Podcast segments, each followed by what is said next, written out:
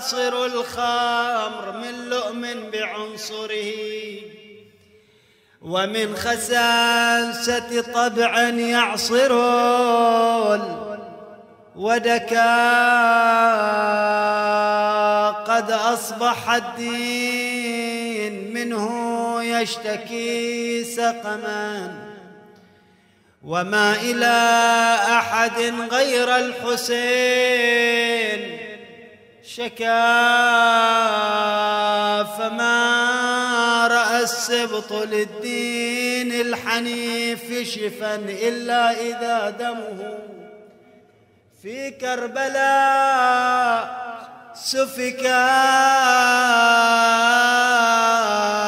يا حسين يا روح النبي وروح اشكي حالي والذي بجاري عليه.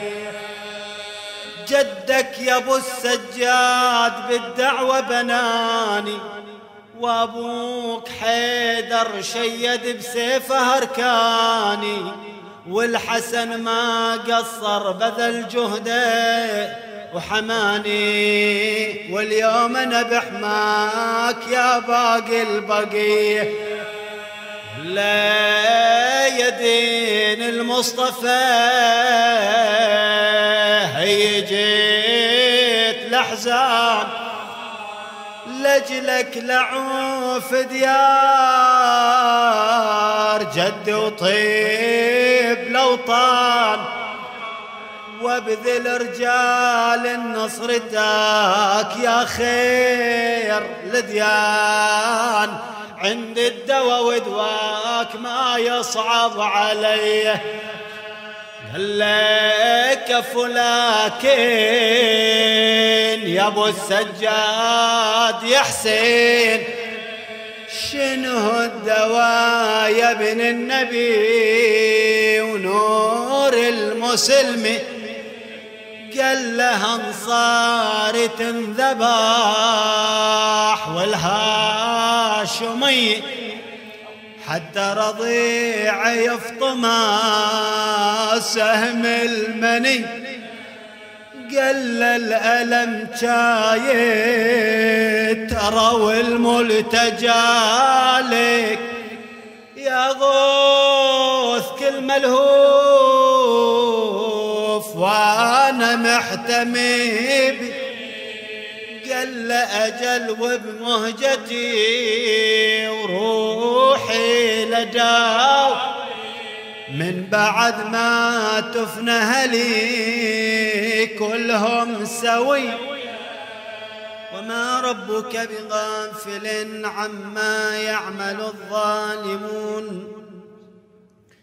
وسيعلم الذين ظلموا أي منقلب ينقلبون. والعاقبة للمتقين ولا عدوان إلا على الظالمين. قال تعالى في كتابه المجيد أعوذ بالله من الشيطان الرجيم. بسم الله الرحمن الرحيم. يريدون ليطفئوا نور الله بأفواههم. والله متم نوره ولو كره الكافرون. آمنا بالله. صدق الله مولانا العلي العظيم. الله سبحانه وتعالى في هذه الآية وأمثالها من الآيات بين عز وجل أن هناك جماعات سعوا وجاهدوا وحاولوا للوصول إلى غاية معينة. الجماعات هم الكفار الملحدون. حاولوا بكل جهد جهدهم أن يصلوا إلى غاية إطفاء نور الله سبحانه وتعالى. بأنواع مختلفة بأشكال متعددة. هذا حالهم في الآية الكريمة. يريدون ليطفئوا نور الله. أولا لنتعرف على نور الله سبحانه وتعالى ما هو؟ الله نور السماوات والأرض. مثل نوره كمشكل لنور الله سبحانه وتعالى مصاديق متعددة. كالقرآن الكريم كتب الله السماوية الأنبياء الرسل ديانات التي والشرائع التي أنزلها الله سبحانه وتعالى هو نور من أنوار الله سبحانه وتعالى. ولكن أعظم مصداق من مصاديق أنوار الله سبحانه وتعالى هم النبي الخاتم محمد صلى الله عليه وآله وأهل بيته الطيبين الطاهرين. والدليل على أنهم نور الله سبحانه وتعالى قوله عز وجل في كتابه إن لنبيه صلى الله عليه وآله إنا أرسلناك بالحق شاهدا ومبشرا ونذيرا وداعيا إلى الله بإذنه وسراجا منيرا. طبعا النور هو النور المعنوي مو الضياء يرى بالجارحة بالعين المادي هذا وإنما هو النور المعنوي الذي يرى بالقلب بالبصير. هذا نور الله سبحانه وتعالى متمثل في النبي صلى الله عليه وآله. كذلك يقول الإمام الصادق سلام الله عليه في الآية الكريمة آمنوا بالله ورسوله والنور الذي أنزلنا. ما هو ذلك النور الذي أنزلناه يقول الإمام الصادق سلام الله عليه هم آل بيت, آل بيت محمد. اللهم صل وسلم على محمد. وآل محمد. هؤلاء أنوار الله سبحانه وتعالى. ذلك الإمام الصادق عليه السلام أو النبي صلى الله عليه وآله.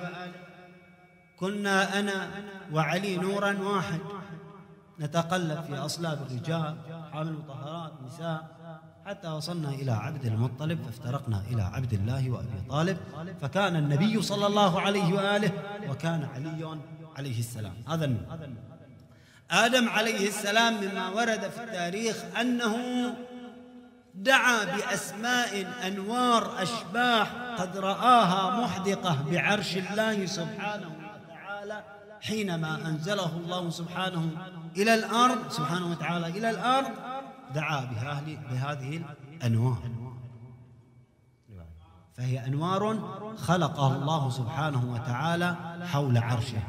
وهم فاطمة وأبوها وبعلها وبنوها الإمام الصادق عليه السلام كذلك حينما يزور جده جده الحسين عليه السلام يخاطبه أشهد أنك كنت نورا في الأصلاب الشامخة والأرحام المطهرة هذا نور الله سبحانه وتعالى.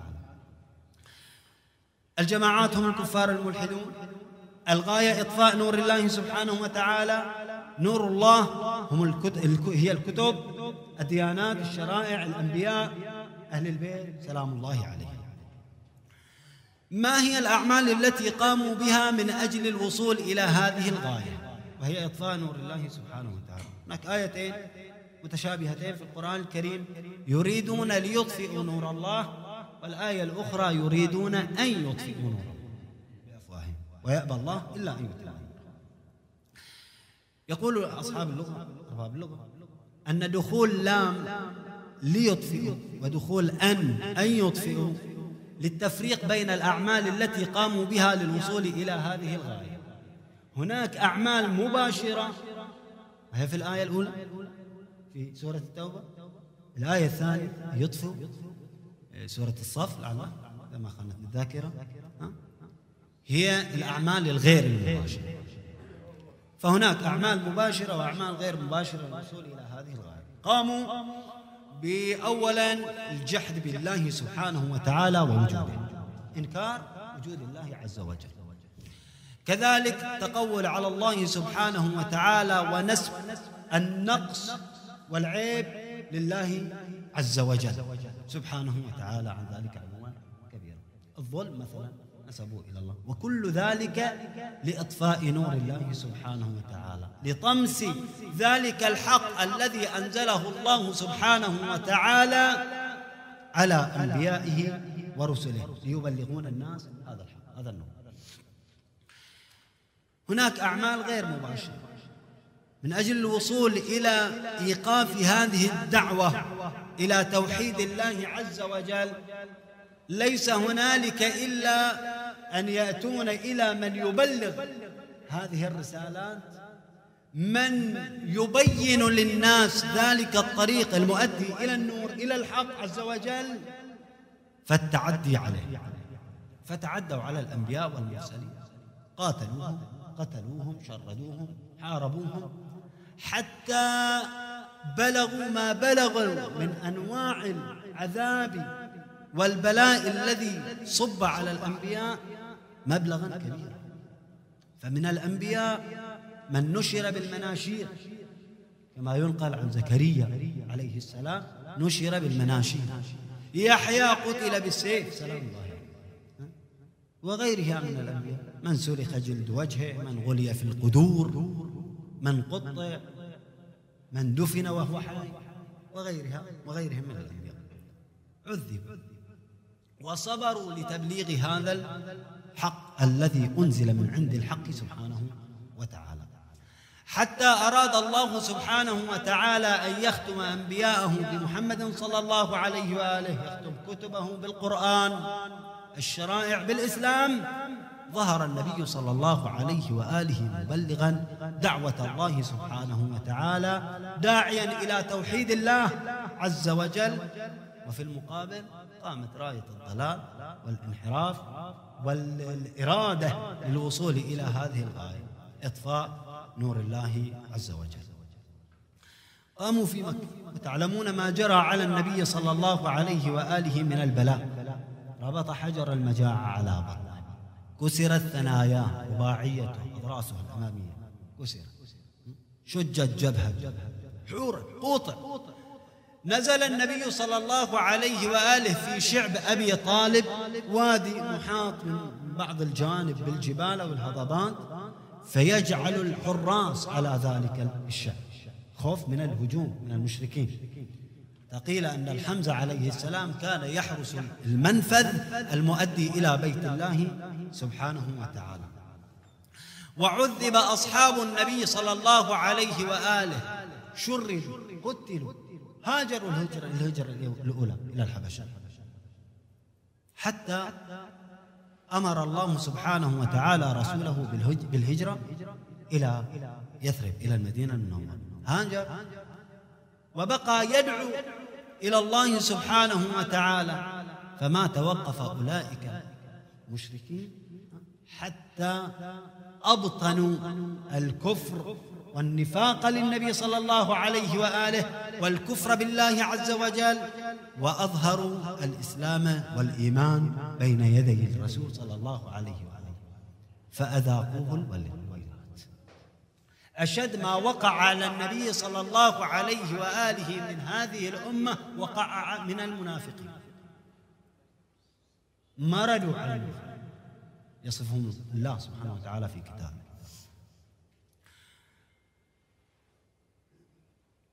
إلى الوصول إلى هذه الغاية ما تمكن.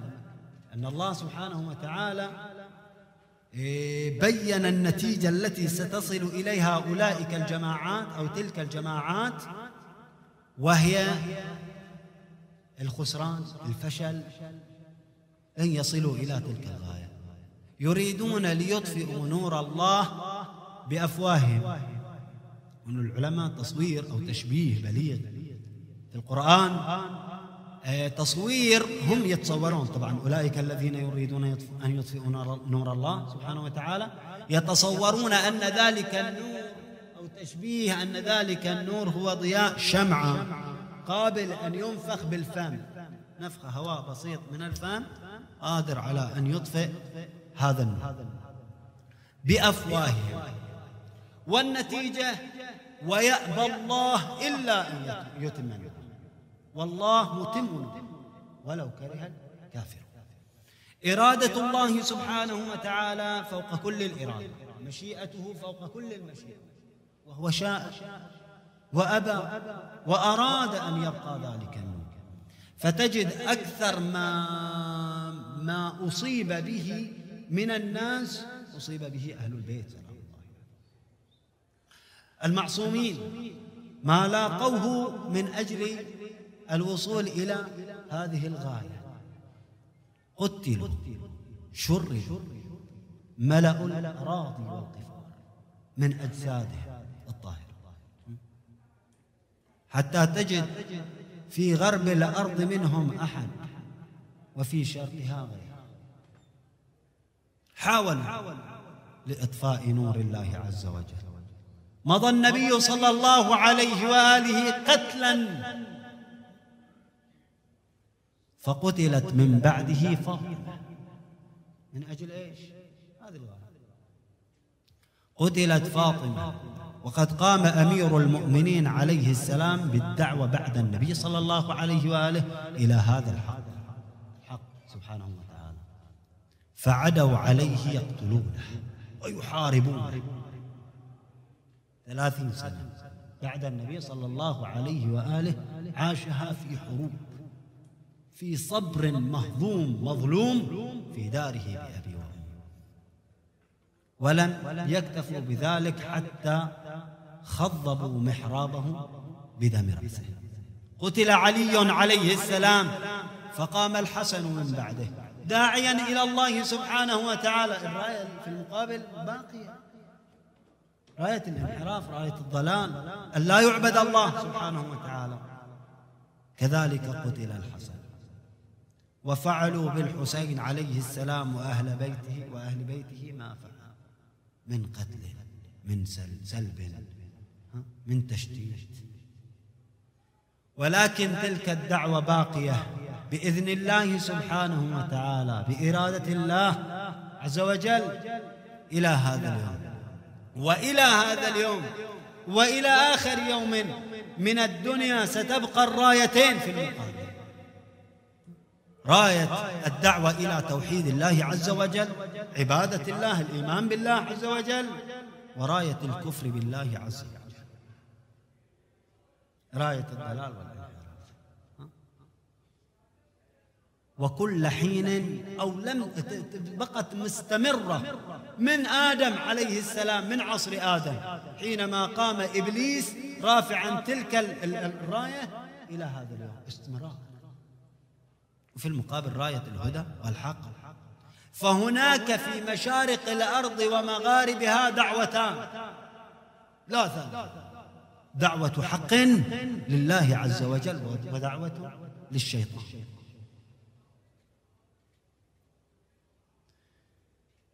حاول ما حاولوا لإطفاء نور الله عز وجل. مو أجسام مو رجال مو نساء قبور هدموا قبور هدم حجاب. دثر من أجل أن لا يبقى لهذا الدين أي معنى يقول معه وهذا ابن أبي كبش. يقول مضى فلان ومضى ذكره ومضى الثاني ومضى ذكره.